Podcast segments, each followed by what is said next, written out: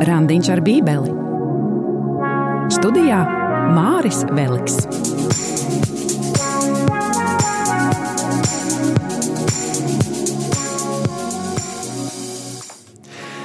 Esiet sveicināti, darbie radio klausītāji! Patiešām randiņš ar bībeli tavā radioaparātā vai citā skanošajā ierīcē.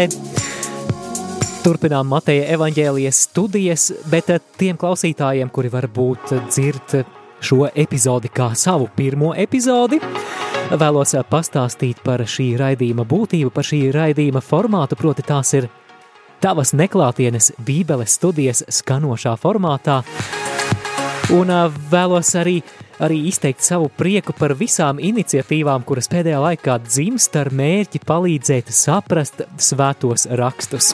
Randiņš ar bībeli ir tikai viena no šādām iniciatīvām, un raidījuma ievadā es arī vēlos atkārtot un uzsvērt, ka raidījums noteikti neaizstāja privātu randiņu ar bībeli. Gluži kā uztura bagātinātājs neaizstāja pilnvērtīgu un sabalansētu uzturu, tad, eh, dargo klausītāji, ja tu mēģini pārtikt tikai no šī raidījuma, tad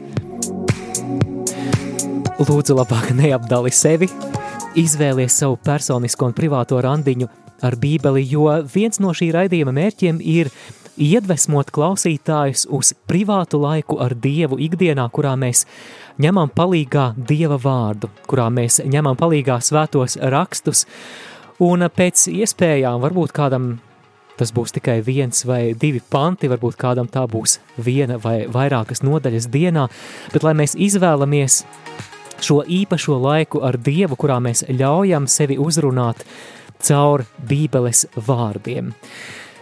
Raidījuma randiņš ar bībeli mērķis ir iedrošināt uz šiem privātajiem randiņiem ar bībeli, veicinot bībeles lasīšanas kultūru starp ticīgajiem Jēzum.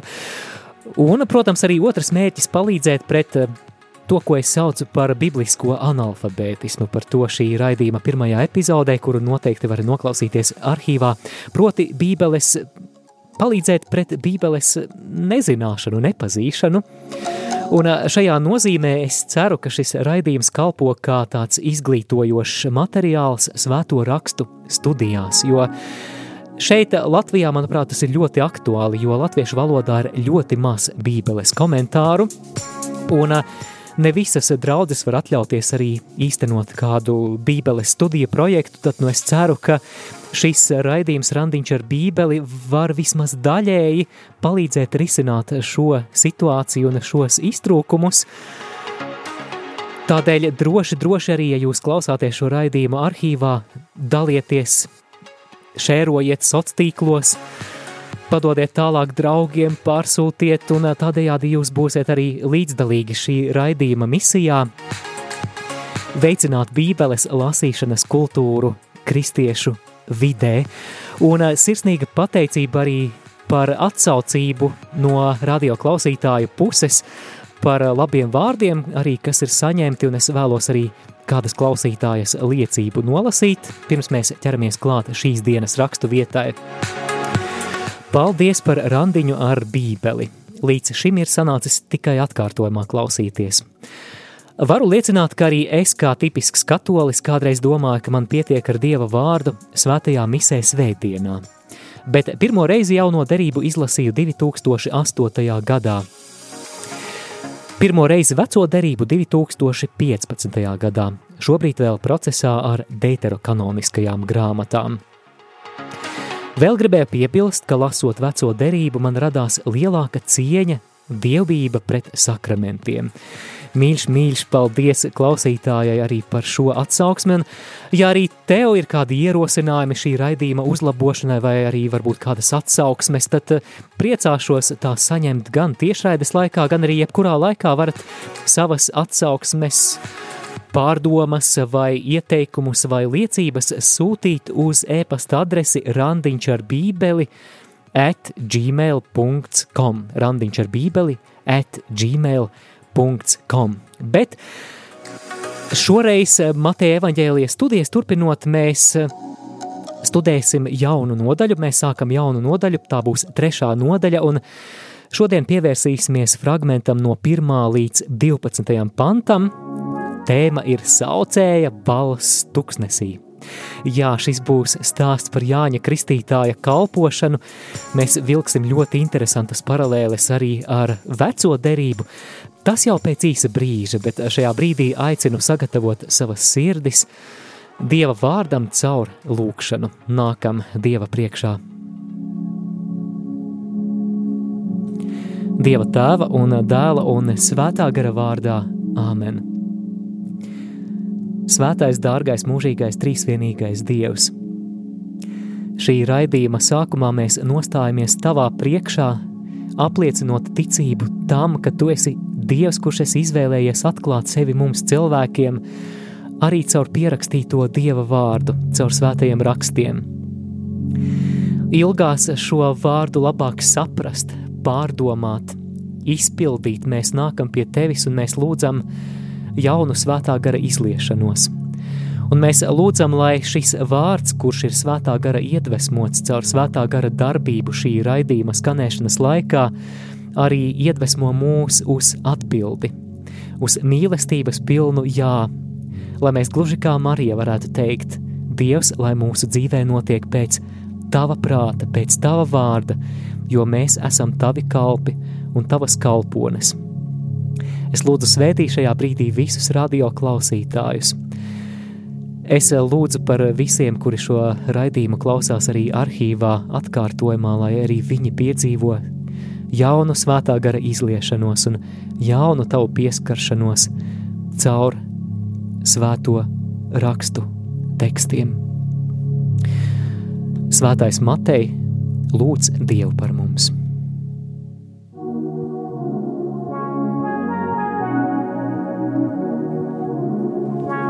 Sākam jaunu nodaļu.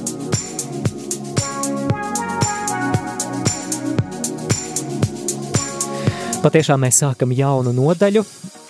Trešā nodaļa no 1 līdz 12 pantam ir tā raksturvieta, kurai vari sekot līdzi arī savā bībelē.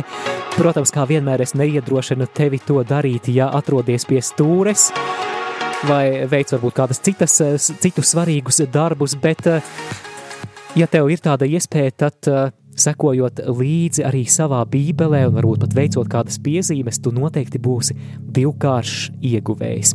Tad no klausāmies trešās nodaļas fragmentu Mateja evaņģēlijā no 1. līdz 12. pantam. Tanīs dienās uzstājās Jānis Kristītājs un sludināja jūdejas tūkstnesī. Pārmainieties, nožēlojiet grēkus, jo debesu valstība ir tuvu klāt pienākusi jo šis ir tas, par kuru pravietis iesai sacīs vārdus. Saucēja balss tuksnesī, sataisiet tā kunga ceļu, darat taisnas viņa tekas, bet Jānis valkāja kamīļu spalvu drēbes un ādas jostu ap saviem gurniem, viņa barība bija sīseņu un kameņu medus. Tad pie viņa izgāja Jeruzaleme un visa jūdeja un visas Jordānas apgabals, un likās no viņa kristīties Jordānas upē, nožēlotam savus grēkus Bet redzēdams daudz farizēju un saduķēju nākam kristīties, viņš tiem sacīja: Jūsu oģu dzimums, kas jūs pamācīja bēgt no nākamās sodības, dusmām? Tad nesiet pienācīgus atgriešanās augļus, un neiedomājieties pie sevis sacīt: Mums ir Ābrāms par tēvu, jo es jums saku, Dievs var no šiem akmeņiem radīt Ābrāmam bērnus. Bet sirvis jau pielikts pie koku saknes, un ik viens koks, kas nenes labus augļus, top nocirsts un iemests ugunī Es jūs gan kristu ar ūdeni un grēknožēlu, bet tas, kas pēc manis nāk, ir spēcīgāks par mani. Tam es neesmu cienīgs apausnēst. Viņš jūs kristīs ar svēto garu un uguni. Tam vēteklis viņa rokā, un viņš tīrīs savu klonu un savāks kviešu sklētī, bet pelavas sadedzinās neizdzēšamā ugunī. Rakstu vietas konteksts. Nu pat dzirdējām rakstu vietu, kuru šodien raidījumā studējam, Mateja 3. nodaļa no 1. līdz 12. pantam. Šoreiz vēlos piedāvāt tādu geogrāfisko kontekstu. Jānis kristīja Jordānas tuksnesī, un to mēs lasām pirmajā pantā. Nolasīšu to vēlreiz no jaunā tulkojuma. Tajās dienās Jānis Kristītājs sludināja jūdejas tuksnesī, tātad tuksnesis. Un šeit, šajā tekstā mums ir arī Jordānas upe, Vai tā ir tikai geogrāfija? Es vēlos arī padalīties par to, ka patiesībā šeit ir kāda dziļāka nozīme. Sāksim ar tuksnesi. Vecajā derībā tuksnesim ir ļoti dziļa arī simboliska nozīme. Atcerēsimies, piemēram, to, ka tuksnesis pravieša Hozejas grāmatas otrajā nodaļā 16. pantā ir vieta, par kuru Dievs saka, ka uz turieni viņš aicinās savu tautu, kura ir tik bieži viņam pagriezusi muguru, tik bieži bijusi neusticīga, ka Dievs viņu aicinās atpakaļ uz tuksnesi, lai runātu uz savu tautu maigi. Gluži kā mīlošs vīrs uzrunā savu neusticīgo sievu un aicinās uz šo jauno iespēju šīm atjaunotajām attiecībām, lasu no Hozejas otrās nodaļas 16. pantu. Ļoti romantiska, ļoti skaista rakstuvieta. Tādēļ redzi es viņu aizvilināšu, aizvedīšu tuksnesī un uzrunāšu tās sirdi. Tātad tuksnesis kā šīs atgriešanās vieta, jauna sākuma vieta, un es pieļauju, ka tu klausītāji jau nojaut arī šīs paralēles ar šodienas rakstu vietu, ar Jāņa Kristītāja sludināšanu, kur? Jūdejas tuksnesī, kur dodas tauta no Jeruzalemes, no Jūdejas un no citām vietām. Bet, dargo klausītāji, ja es tev jautātu, ar ko tev asociējas tuksnesis vecās derības kontekstā, es pieļauju, ka vispopulārākā atbilde būtu droši vien izceļošanas no Ēģiptes notikums, proti 40 Izraēļa tautas pavadītie, tuksnesī pavadītie gadi, kas ir ļoti, ļoti īpašs, ļoti, ļoti īpašs notikums, vispār viens no centrālajiem notikumiem Dieva tautas vēsturē viens no centrālajiem notikumiem vecajā derībā, jo šeit, tuksnesī, šajā 40 gadu laikā, notiek lielas lietas. Mēs zinām, ka tuksnesī Dievs noslēdz ar savu tautu, ar mūzu starpniecību derību, proti stājas ar savu tautu tādās privileģētās, ļoti tuvās, ārkārt, ārkārtīgi tādās privileģētās attiecībās. Šie 40 gadi, ko tauta pavada tuksnesī, ir tāds arī īpašs dieva pedagoģijas laiks, jo mēs atceramies, kā tai tautai gāja tuksnesī, nu negāja viegli, caur klupšanu, caur krišanu uz priekšu, reizēm pilnīgi caur rāpošanu. Atceramies arī tādas kauna pilnas eh, lapuses, kā zelta teļš un, un vēl citi incidenti, tad nu tauta krīt un atkal mēģina celties, uh, Tādējādi Dievs tuksnesī māca tautu, kā tad, ko tad nozīmē dzīvot attiecībās ar Dievu, kā Dieva tautai. Jāņa sludināšana un kristīšana tuksnesī mums atgādina par šo izceļošanas notikumu no Ēģiptes, un šajā ziņā šī vairs nebūs izceļošana no Ēģiptes, bet, kā mēs par to turpmāk arī runāsim, ka Jānis, aicinot tautu iziet uz tuksnesi, aicina tautu uz jaunu izceļošanu, par to pēc brīža. Tik tālu par tuksnesi, bet šis otrais geogrāfiskais konteksts, par kuru arī vēlos padalīties, ir Jordānas upe. Arī Jordānai ir simboliska nozīme vecajā derībā, un mums te nebūs laika aplūkot tās daudzās nianses vai daudzos notikumus, kas vecajā derībā ir saistīti ar Jordānas upi, bet eh, tas, uz ko mēs esam aicināti palūkoties šajā brīdī, ir atkal tas pats izceļošanas notikums, tātad 40 gadi, ko Izrēļa tauta pēc izceļošanas no Ēģiptes pavada tuksnesī, un atcerēsimies, ar ko tad šis 40 gadu ilgušais ceļojums noslēdzas. Vai kāds atceras? Šie 40 gadi tuksnesī noslēdzas kur? Pie Jordānas upes. Jozos grāmatas trešajā nodaļā mēs lasām par šī garā, garā ceļojuma vai šīs garās epopejas noslēgumu, jo trešajā nodaļā mēs lasām par brīnumaino upes šķērsošanu. Tas ir brīdis, kurā, ja tā var teikt, visa tauta ir aizturējusi elpu, jo Tūlīt, tūlīt notiks tas, kas tautai un kas jau Ābrahamam, viņu cilstāvam, bija apsolīts, proti, tauta ieies apsolītajā Kanāna zemē. Un tas notiek tā.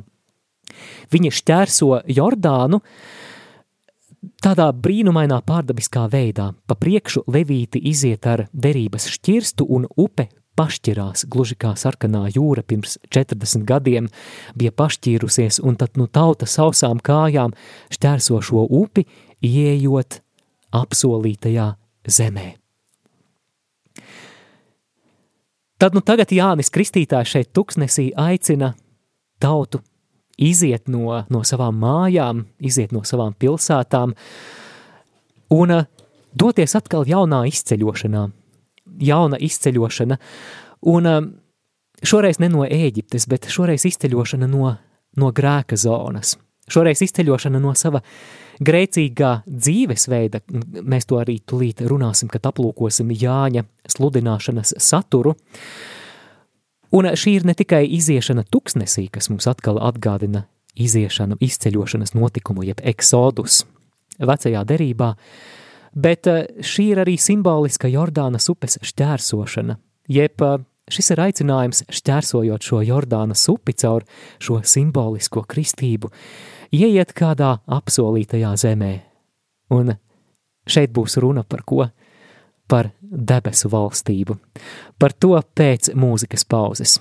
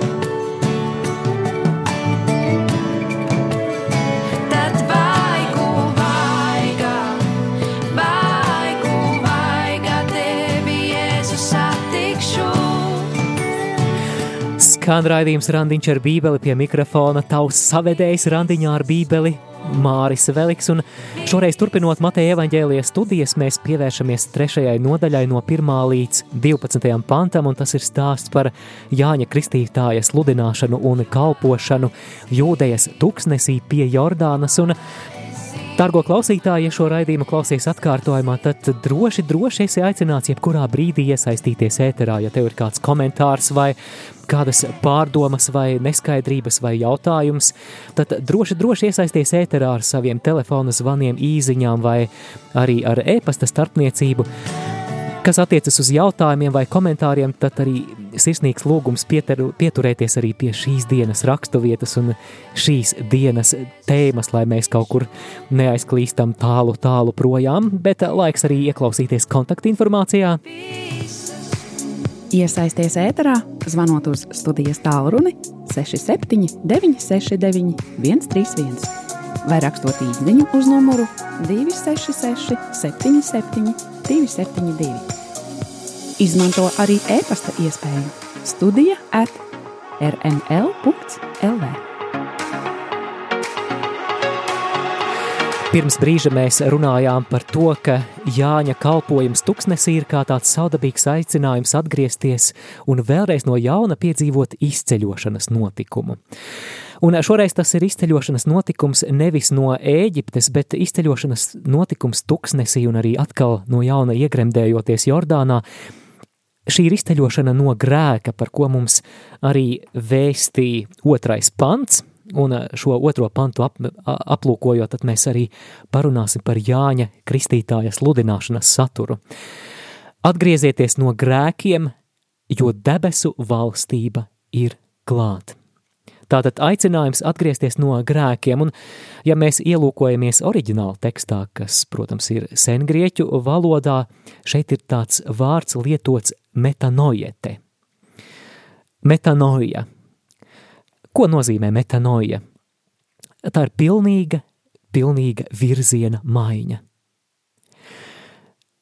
Varētu arī teikt, tā ir domāšanas maiņa, ka mēs mainām veidu, kā mēs kaut ko uztveram, kā mēs domājam, jo šis vārds sastāv no meta, ir pēc un nūs prāts. Tātad pēc prāta, jeb varētu, ja mēs varētu teikt tā, Klasiskajā grieķu valodā metanoja nozīmēja mainīt savas domas par kaut ko, mainīt savu prātu par kaut ko.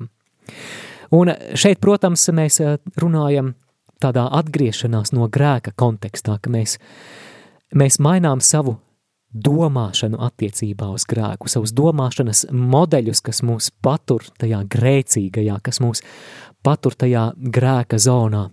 Paņemsim kaut kādu brutālu piemēru, piemēram, tu piekdienas vakarā dodies uz bāru pamatīgi piedzerties, bet tu piedzīvo šo metanoju, šo domāšanas maiņu, šo virziena maiņu. Tu pēkšņi ieraugi šo savu nolūku pilnīgi citā kontekstā. Tu sāc ieraudzīt, kā tas tevi nevis piepilda, bet patiesībā attālina no būtiskā, attālina no sevis paša, attālina no citiem, attālina no dieva, un tu pieņem šo lēmumu mainīt virzienu, Tu pagriezies 180 grādu leņķi un, un dodies projām no šīs savas ieceres. Tad no Jānis Kristītājs šeit tuksnesī Jordānas krastā aicina uz šo metanoju, uz šo domāšanas un virziena maiņu caur simbolisku žestu, caur simbolisku kristības soli. Jānis aicina pagriezt muguru grēkam un sākt jauna veida dzīvi, uz ko norāda trešās nodaļas devītais pants, kur, kur Jānis saka tā, tad nu nesiet cienīgus atgriešanās augļus. Šis aicinājums atgriezties no grēkiem kaut kādā ziņā turpina arī vecās derības praviešu tradīciju. Jo vecās derības praviešu tāds centrālais galvenais vēstījums ir aicinājums dieva tautai, kura ir bijusi neusticīga dievam un viņa ceļiem atgriezties. Savukārt Jānis Kristītājs šeit arī ievieš kādu jaunu, svaigu pavērsienu. Šī atgriešanās ir saistīta ar, ar kaut ko vēl nebijušu. Dieva valstība ir tuvu klāt pienākusi. Tātad aicinājums atgriezties saistīts ar debesu valstības atnākšanu. Par ko šeit ir runa? Pirmkārt, Šeit debesu valstību mēs neesam šajā kontekstā aicināti uztvert kā vietu, kur mājo dievs un eņģeļi. Tātad ne šajā nozīmē. Šeit drīzāk šī debesu valstība ir dinamiska dieva darbība valdot. Dievs kā valdītājs sāk izpaust savu autoritāti, savu varu. Viens no autoriem, kura komentārus esmu izmantojis gatavojoties šim raidījumam, Terents Frants, piedāvā šo frāzi Dieva val, debesu valstība pārfrāzēt vai izteikt citiem vārdiem, piemēram, šādā veidā, ka Dievs pārņem kontroli. Tātad atgriezieties no grēka, mainiet virzienu, jo Dievs pārņem kontroli. Vai, vai cits viņa piedāvājums, ka mēs šo debesu valstību, varam izteikt, ka Dieva apsolītā valdīšana ir pienākusi. Pār Izrēli attaust apsolītā Dieva valstība.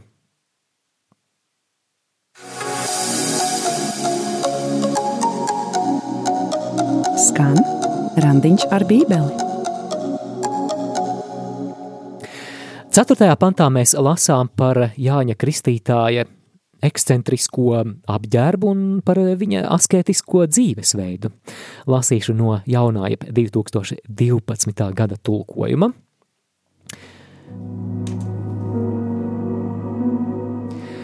Jānis valkāja kamieļu vilnas drēbes un ādas jostu ap gurniem. Viņa barība bija siseņi un sauvaļas bišu medus. Pievērsīsim uzmanību Jāņa Kristītāja apģērbam. Mums 21. gadsimta lasītājiem tas neko daudz neizsaka. Tas mums atgādina, es nezinu, vai par hipiju kustību, vai par kaut ko tādu ļoti ārkārtēji ekscentrisku. Bet atcerēsimies, kas bija Jāņa, piedodiet, Mateja evaņģēlija pirmie adresāti. Tie bija jūdu izcelsmes kristieši, tātad eh, ebreju tautības cilvēki, kuri jūdeisma kontekstā saskatīja Jēzu kā mesiju, kā dieva dēlu. Šie cilvēki dzīvoja tādā vecās derības domāšanā, viņiem šie vecās derības teksti bieži vien jau no bērna kājas bija dzirdēti, un, un tā, tie tika tālāk nodoti no mutes mutē, un, un sinagogās tie tika lasīti, skaidroti un pārdomāti, un, un šiem cilvēkiem uh, šis Jāņa Kristītāja apģērbs uzreiz raisīja kādas asociācijas ar kādu citu vecās derības tēlu. Otrajā ķēniņu grāmatā, pirmajā nodaļā, astotajā pantā, mēs lasām par vēl kādu pravieti, kurš vecajā derībā nesāja ļoti līdzīgu apģērbu. Esat gatavi? Tas vīrs bija kažo kādas apģērbā, un viņa kurni bija apjosti ar ādas jostu. Par ko šeit ir runa? Protams, ka šeit runa ir par pravieti Eliju. Pravietis Elija, un, un šiem Mateja evaņģēlija pirmajiem adresātiem, un ne tikai pirmajiem adresātiem, bet arī tiem cilvēkiem, kuri izgāja jūdejas tuksnesī un kuri gāja uz Jordānas krastu, lai satiktu Jāni Kristītāju un pieņemtu viņa kristību, šis viņa apģērbs signalizēja par kādu vēl vienu vecās derības svarīgu motīvu. Proti, vecās derības pravietiskajā literatūrā bija, bija kāds apsolījums, ka pirms kunga dienas ir jānāk, vēlreiz jānāk pravietim Elijam. Es vēlos, lai mēs kopā ar tevi ielūkotos vienā no šiem vecās derības tekstiem. Ja sako līdzi savā bībelē, vari atšķirt uh, Malahija grāmatu. Tas ir viens no 12 mazajiem vecās derības praviešiem, un atvērsim Malahijas grāmatas trešo, jeb pēdējo nodaļu, un lasām 23. 24. pantu, kas ir pēdējās rindiņas, pēdējie panti Malahija grāmatā. Un tur mēs dzirdēsim apsolījumu, ka pravietim Elijam vēlreiz ir jānāk – Redzi, es jums sūtu pravieti Eliju, pirms nāk kunga diena, liela un bijājama. Viņš vērsīs tēvu sirdis pie dēliem un dēlu sirdis pie tēviem, lai es nenāku un nesitu zemi ar nīcības lāstu. Tā nav vienīgā raksturvieta vecajā derībā, kurā mēs atrodam šīs gaidas, ka pirms kunga dienas ir jānāk Elijam, kurš kaut kādā īpašā veidā sagatavot dieva jaunu atnākšanu. Mums šeit nav laika lasīt, piemēram, vēl fragment no Sīraha dēla grāmatas 48. nodaļas 10. panta, kur arī šis Elija atnākšanas motīvs ir izcelts. Un tad no Jāņa kristītāja parādīšanās šeit jūdejas tuksnesī signalizē jūdiem, ka Jānis Kristītājs, šis vīrs, kurš arī dzen ir tērpies šajās ādās, viņš piepilda šo pravieša Elija lomu, šo apsolīto pravieša Elija misiju – sagatavot kunga atnākšanu. Ja mēs vēlāk lasām Mateja evaņģēliju tālāk, tad 11. nodaļā, 14. pantā mēs lasām arī, ka Jēzus Jāņa Kristītāja kalpošanu sasaista ar pravieša Elija atgriešanās gaidām. Lasu Jēzus vārdus no 11. nodaļas 14. panta. Un, ja gribat to pieņemt, viņš ir Elija, kam bija jānāk. Vēl viena saikne starp pravieti Eliju un Jāni Kristītāju. Tas ir ne tikai viņa ekscentriskais apģērbs, nevien misija sagatavot kungam ceļu, bet arī jau pieminētā Jordānas upe. Atcerēsimies, ka pie Jordānas upes pravietis Elijas uguns ratos tiek aizrauts debesīs. Pirms tam viņš nodod savu misiju, jeb savu kalpošanu un arī savu svaidījumu savam pēctecim pravietim Elisejam, kā nu kurā tulkojumā, var, vai pravietim Elīšam, Elīsam. Mēs par to lasām otrajā ķēniņu grāmatā, otrajā nodaļā no 6. līdz 14. pantam. Tad nu tagad šeit pie Jordānas Jānis Kristītājs, ja tā var teikt, nodot stafeti savam pēcnācējam, Jēzum, tam, kuram bija jānāk pēc viņa. Pēc mūzikas pauzes atgriezīsimies, lai parunātu par pašu Jāņa kristību.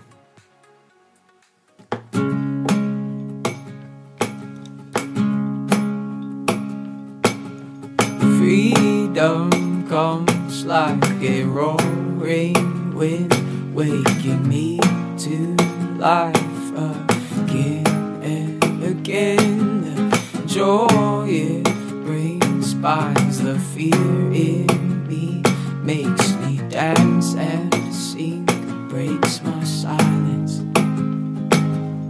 Jesus, I love the way you breathe. Jesus, love the way you breathe. Oh,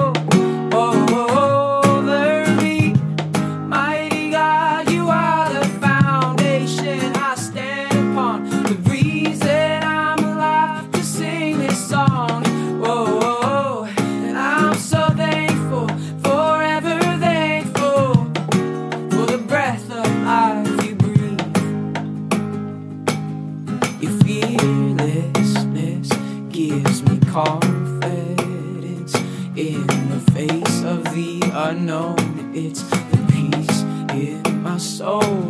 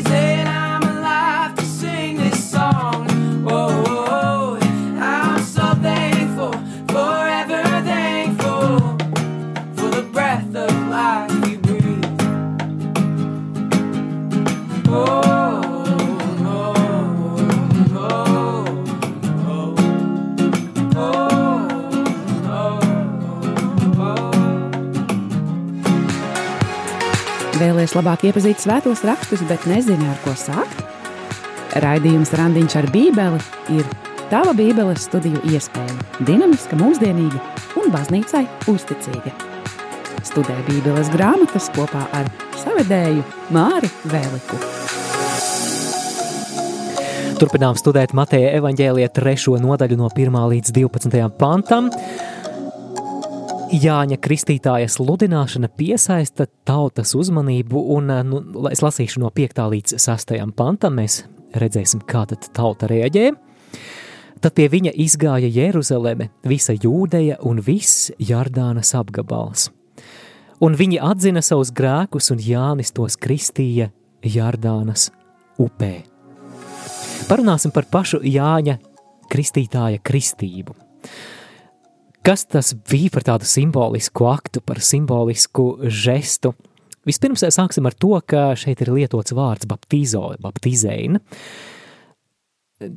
kristīt, jeb iegremdēt. Burtiski tas būtu iegremdēt, gluži kā tu noliecies pie, pie kāda strauta vai, vai ezera un gribi izmazgāt kādu, kādu buļļauna katliņu kādā turisma izbraucienā vai pārgājienā, un tu pilnīgi pagrendē to trauku zem ūdens.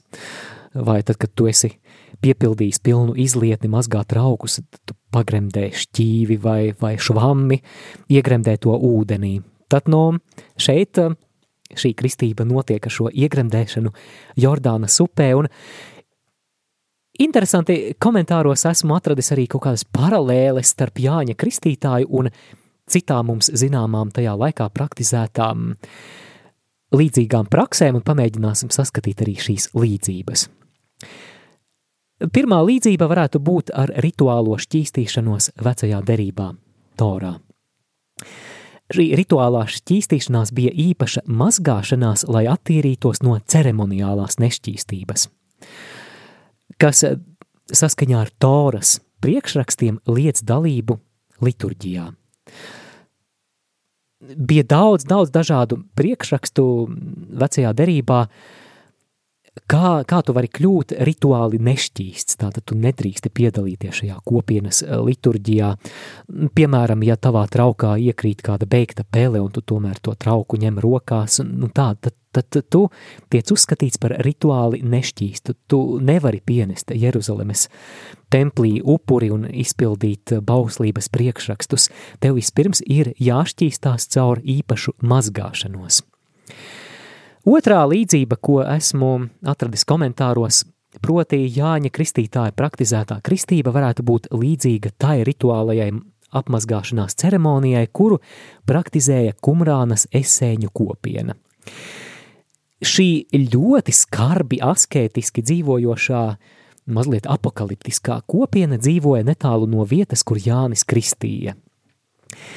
Tā bija tāda rituāla mazgāšanās šajā kopienā, kura nu, nu, tie ir interesanti, ka te parādās tāda daudz lielāka paralēla ar Jāņa kristību. Šī rituālā mazgāšanās bija saistīta arī tādu ar iekšēju apņemšanos dzīvot nevainojumu dzīvi Dieva priekšā. Atšķ, atšķirība no Jāņa kristības bija tā, ka šī esēņu kopiena šādu mazgāšanos praktizēja regulāri, nu, gluži kā mēs grēksūdzi, piemēram. Trešā līdzība ir ar prozelītu pagremdēšanu. Es zinu, ka šeit izskan gudrs svešvārds, bet ir vērts arī iemācīties kādus gudrus svešvārdus. Prozelīti bija tie pagāni, citu tautību pārstāvi, citu reliģiju pārstāvi, kuri konvertējās jūdaismā. Un no vēstures mums ir zināma arī tāda rituālā pagānu šķīstīšana, kas simbolizēja atteikšanos no tā vecā pagāniskā dzīvesveida un Tas nozīmēja apņemšanos dzīvot saskaņā ar jūdaisma priekšrakstiem. Un ļoti interesanti, ja šeit ir kaut kāda paralēle starp Jāņa Kristītāja praktizēto kristību un, un šo prozelītu pagremdēšanu vai prozelītu šķīstīšanu, tad, tad šis Jāņa Kristītāja vēstījums ir apmēram šāds, ka jā, jūs piedarat Izrēļa tautai – Un neraugoties uz to, neraugoties uz šo jūsu piederību šai dieva izvēlētajā tautai, jums ir jāšķīstās, jums ir jāatgriežas gluži kā pagāniem. Patiesībā šāda interpretācija diezgan labi varētu saskanēt ar to, ko mēs lasām 9. pantā, kur Jānis saka tā, un neiedomājieties savā sirdī sacīt mums Ābrahams ir tēvs. Es jums saku, Dievs spēja no šiem akmeņiem radīt Ābrahama bērnus. Jānis Kristītājs šeit eh, konfrontē kādu, kādu pārliecību, ko mēs redzam šajā tekstā, kas bija izplatīta it sevišķi starp farizējiem un saducējiem, starp šīm divām reliģiskajām grupām jūdaisma ietvaros vai diviem reliģiskajiem jūdaisma novirzieniem, proti pārliecība, ka jau tas vien, ka mēs esam Ābrahama pēcnācēji, ka mēs piederam šai dieva izredzētajai tautai, kaut kādā ziņā mūs nostāda labvēlīgās attiecībās ar dievu. Nekā nebija, saka Jānis Kristītājs, nekā nebija. Ir vajadzīga šī iekšējā sirds atgriešanās. Un šajā gadījumā ar farizējiem un saducējiem mēs redzam no teksta konteksta mēs arī noprotam arī to, ka tas, kas viņiem pietrūka, bija tieši šī iekšējā sirds nostāja, šī metanoja, par ko mēs runājām, šīs domāšanas maiņas. Un ieklausīsimies 7. un 8. pantā. Bet redzēdams daudz farizēju un saduķēju, nākam kristīties, viņš tiem sacīja: Jūsu oģu dzimums, kas jūs pamācīja bēgt no nākamās sodības, dusmām? Tad nesiet pienācīgus atgriešanās augļus, un neiedomājieties pie sevis sacīt: Mums ir Ābrāms par tēvu, jo es jums saku, Dievs var no šiem akmeņiem radīt Ābrāmam bērnus. Mm, diezgan skarbs teksts. Man šķiet, ka šodien, šodien uz Jūdejas tuksnesi, ja tur sludinātu Jānis Kristītājs, Jordānas upes krastā iespējams atbrauktu vai iefiltrētos kāda aizliegtā paņēmiena komanda un uztaisītu kādu skarbu kritizējošu uh, raidījumu, vai galu galā farizēji un saduķēji varētu iesūdzēt Jāni Kristītāju tiesā, jo viņš izmanto diezgan skarbu leksiku, nosaucot viņus par oģu dzimumu, par čūsku dzimumu. Un šeit Jānis Kristītājs izpauž tādu interesantu un nepatīkami skarbu kontrastu. Mēs redzam, ka šie farizēji un saduceji – uzskata sevi par Ābrahama bērniem. Nu, tātad viņi ir privileģēti Dieva priekšā, viņu ciltstāvs ir šis lielais Ābrahams, kuram Dievs ir devis lielus apsolījumus. Ja viņi sevi uzskata par Ābrahama bērniem, tad Jānis viņus nosauc par kā bērniem? Jūs oģu dzimums. Dargo klausītāji, Ko vecās derības kontekstā tev atgādina čūska? Atcerēsimies radīšanas grāmatas trešo nodaļu. Čūska, kārdinātājs, sātans, tas, kurš mūsu pirmvecākiem Ādamam un Ievai aicina izdarīt izvēli, kas uz visiem laikiem izmaina cilvēces vēsturi. Tā, tā, tā nu Jānis šeit konfrontē šo viltus paļāvību, šo viltus drošības sajūtu. Nu, mēs taču esam Ābrahama bērni. Es tā domāju par šo pantu un domāju, kā tas varētu attiekties uz mums. Es, man šķiet, ka es neesmu īpaši novērojis tādu domāšanu, ka, ka es esmu katolis sentajā paudzē un, un, un tādēļ man ir nodrošināta Dieva priekšā kaut kāda kaut kādas privilēģijas vai privileģēts status. Šādu šādu domāšanas veidu īpaši neesmu novērojis, bet dažreiz piedaloties kalpošanā slimnīcās kopā ar svētā Kamila kalpošanas grupiņu, man ir nācies novērot kādu citu viltus drošību starp tiem, kuri sevi uzskata par kristiešiem. Proti, apmēram šāds domāšanas gājiens, ka nē, man, man, man nevajag grēksūdzi, nē, man, man nevajag priesteri. Kāpēc? Nu, nu, es, es neesmu izdarījis nekādus grēkus, neesmu nevienu noslapkavojis, neesmu banku aplaupījis, eh, bet eh, sakiet lūdzu, kad jūs bijāt pēdējo reizi varbūt pie grēksūdzes, nu, kaut kad bērnībā biju, nu, tad, nu, tad nu, šis cilvēks, kuram varbūt jau tuvojas mūža izskaņa, balstās tādā droši, viltus drošībā, viltus šajā paļāvībā, ka mm, it kā šis uh, šo lielo grēku trūkums, tad nu, ļauj dzīvot tādā mierā par, par viņa attiecībām ar Dievu.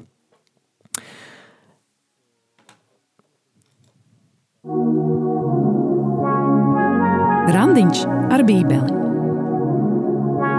Savedējs Māris Veliks.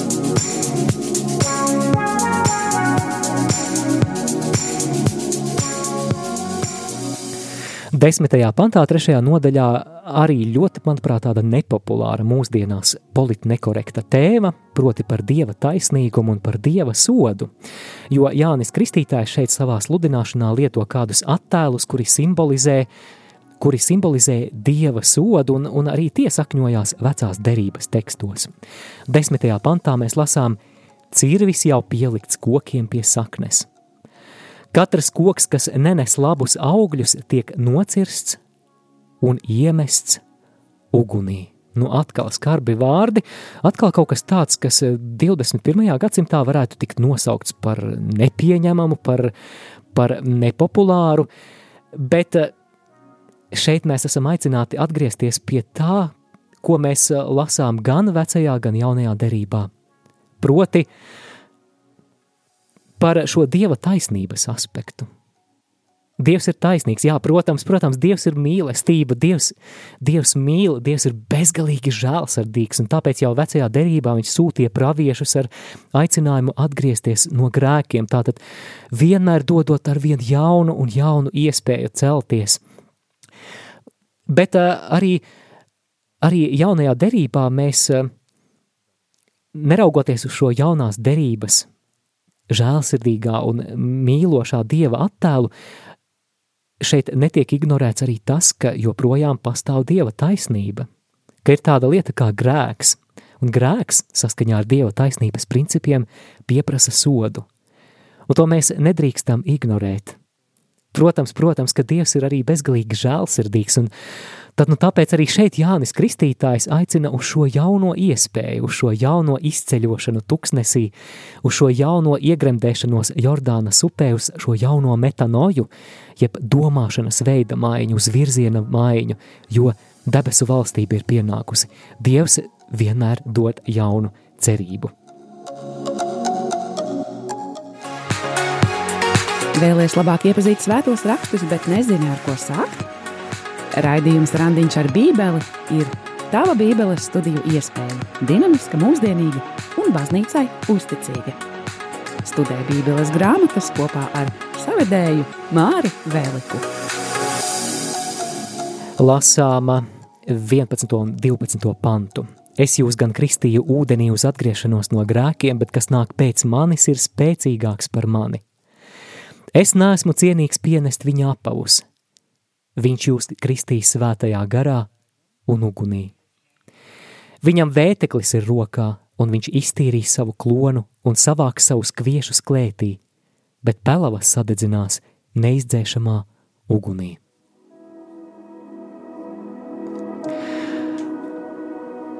Sandaļu siksnu atraisīšana vai kurpju pienešana tuvajos austrumos šajā senajā pasaulē bija viens no visnecienīgākajiem, no, viens no vis, viszemākajiem darbiem, kādu kalps varēja darīt sava kunga priekšā. Nu, te jau vai tā kā, tā kā kungu apakšveļu mazgāt. Un Jānis Kristītājs šeit saka, ka viņš pat to nav cienīgs darīt. Viņš norāda uz kādu lielāku, kurš nāks pēc viņa un kurš kristīs ar svēto garu un uguni. Šeit mēs arī redzam to, ka Jāņa Kristītāja kristība nav tas, ko mēs šodien saprotam ar kristības sakramentu. Un te ir, te ir ļoti stingri jānošķir šī Jāņa kristītāja kristība no tās kristības, ko vēlāk Jēzus iedibina kā sakramentu, caur kuru mēs kļūstam par Dieva bērniem, svētā gara templi, Kristus miesas locekļiem, caur kuru mēs ienākam šajā Dieva tautā, kurā, kura ir baznīca. Arī interesanti, ka vēstulē efeziešiem 19. nodaļā, kad efeziešu kristiešiem tiek jautāts, kādā kristībā jūs esat kristīti, viņi atbild Jāņa kristībā, un tad no apustulis Pāvils un viņa biedri saprot, ka, ka efeziešiem ir nepieciešama tā kristība, kas ir, kas nāk no Jēzus, Tātad Jāņa kristība Jordānā ir tikai kā tāds simbolisks attēls, kā simbolisks žests, kurš aicina uz šo virziena maiņu, uz atgriešanos no grēkiem, bet Jānis šeit šajos pantos norāda, ka, ka nāks kāds, kurš kristīs ar svēto garu un uguni. Un šeit ir netieša norāda jau šo jauno kristību, ko ienesīs Jēzus. Vispirms šeit ir teikts par kristību ar svēto garu. Jau vecās derības pravieši gaidīja jaunu svētā gara izliešanos. Mēs lasām to gan pravieša Joēla grāmatā. Ļoti skaista raksturvieta arī, ko vēlos nolasīt, ir pravieša Ecehiela grāmatā 36. nodaļā. Es lacīšu jūs ar šķīstu ūdeni, lai topat šķīsti no savas nešķīstības. Es jūs šķīstīšu no visiem jūsu elkiem, es jums došu jaunu garu, to es jums došu. Es izņemšu jums akmens sirdi un došu miesas sirdi, un es jums došu savu garu. Jēzus kristīs arī ar uguni, un uguns vecajā derībā ir dieva un dieva tiesas simbols. Tātad šeit mēs redzam, ka Jēzus, šis mesija, kura sagatavošanu sagatavo Jānis Kristītājs, būs arī tiesnesis, un to mēs arī šo tiesas momentu labi redzam 12. pantā. Viņam vēteklis ir rokā, un viņš iztīrīs savu klonu un savāks savus kviešus klētī, bet pelavas sadedzinās neizdzēšamā ugunī. Šeit ir tāda atsauce uz, um, uz uh, kulšanas un uh, graudu sijāšanas tehnoloģiju, proti, ka ar īpašu rīku šie graudi tika pamesti gaisā, un tad vējš, kurš pūta, tad visas pelavas aiznesa projām, savukārt graudi uz klona sakrita jau tādā attīrītā veidā. Tad, nu, šis šeit Jānim Kristītājam top par, par tādu attēlu tiesai, kuru īstenos tiesnesis. Un mēs zinām, ka tas ir Jēzus Kristus, kurš arī atnāks laiku beigās, lai tiesātu dzīvos un mirušos. Noklausīsimies dziesmu par Jāni Kristītāju, un tad nu pēc šīs ekseģētiskās daļas arī pievērsīsimies, pievērsīsimies rubrikai, ko šodienas vārds nozīmē mums.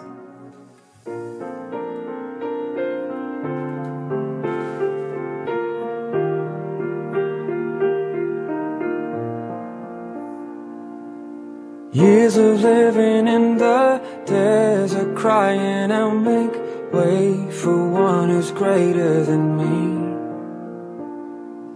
Now I'm here in prison, death is in my vision. Is it true that you're really here? And you say, blind men see, and cripples stand to their feet,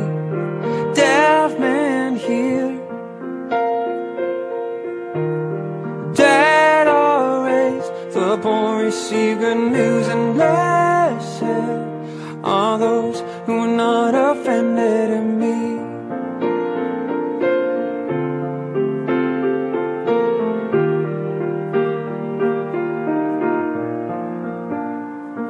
Many years of leading people to repentance, soon the kingdom really will come.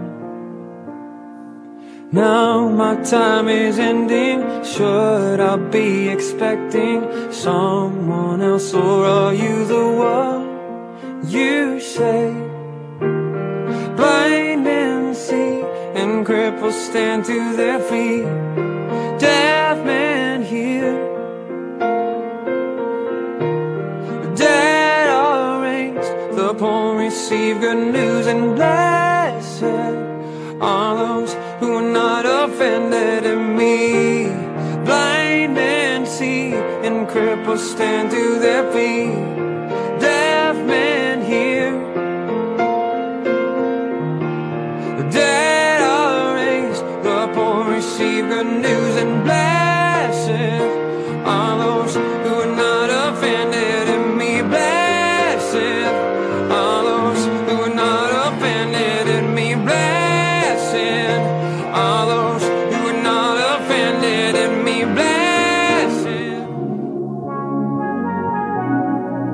dzirdētais attiecas uz manu dzīvi?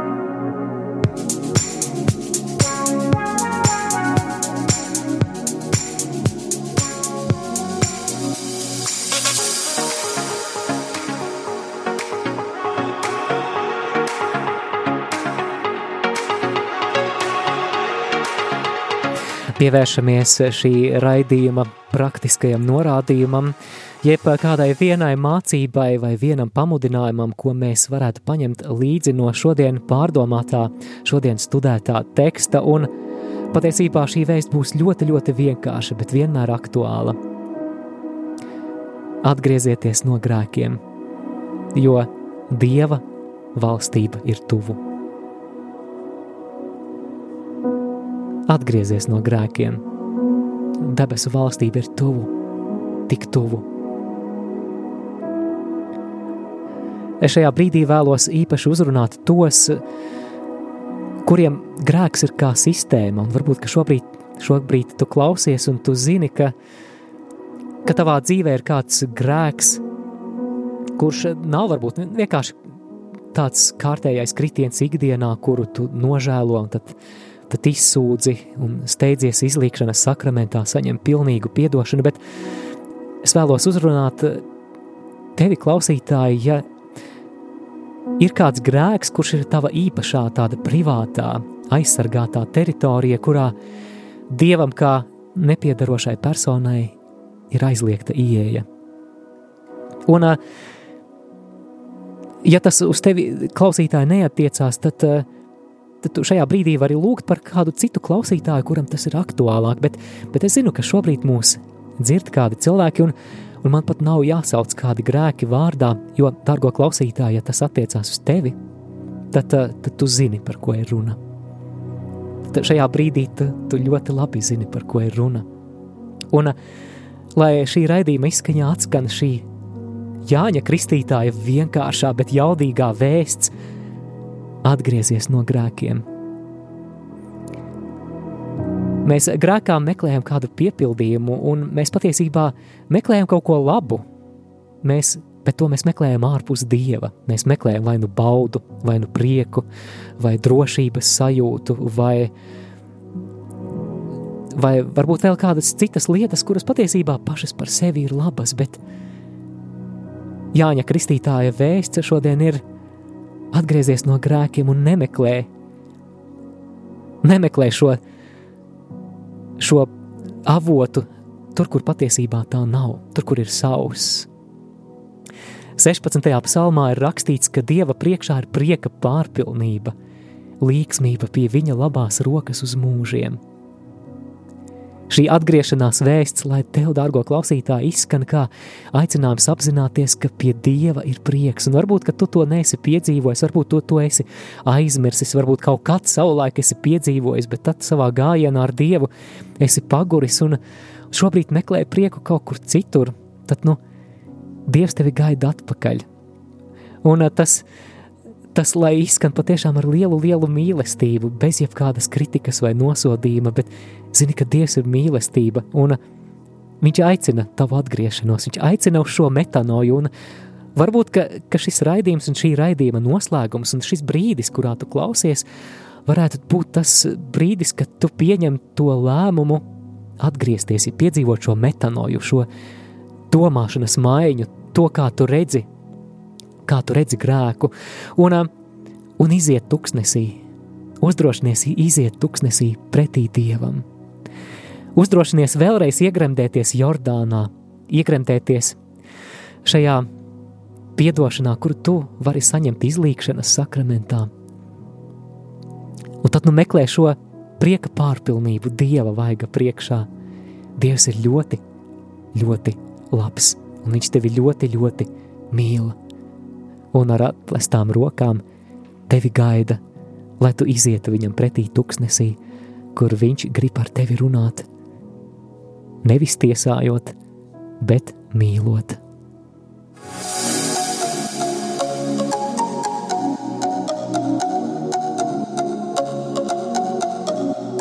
Jūs klausījāties raidījumu Randiņš ar Bībeli.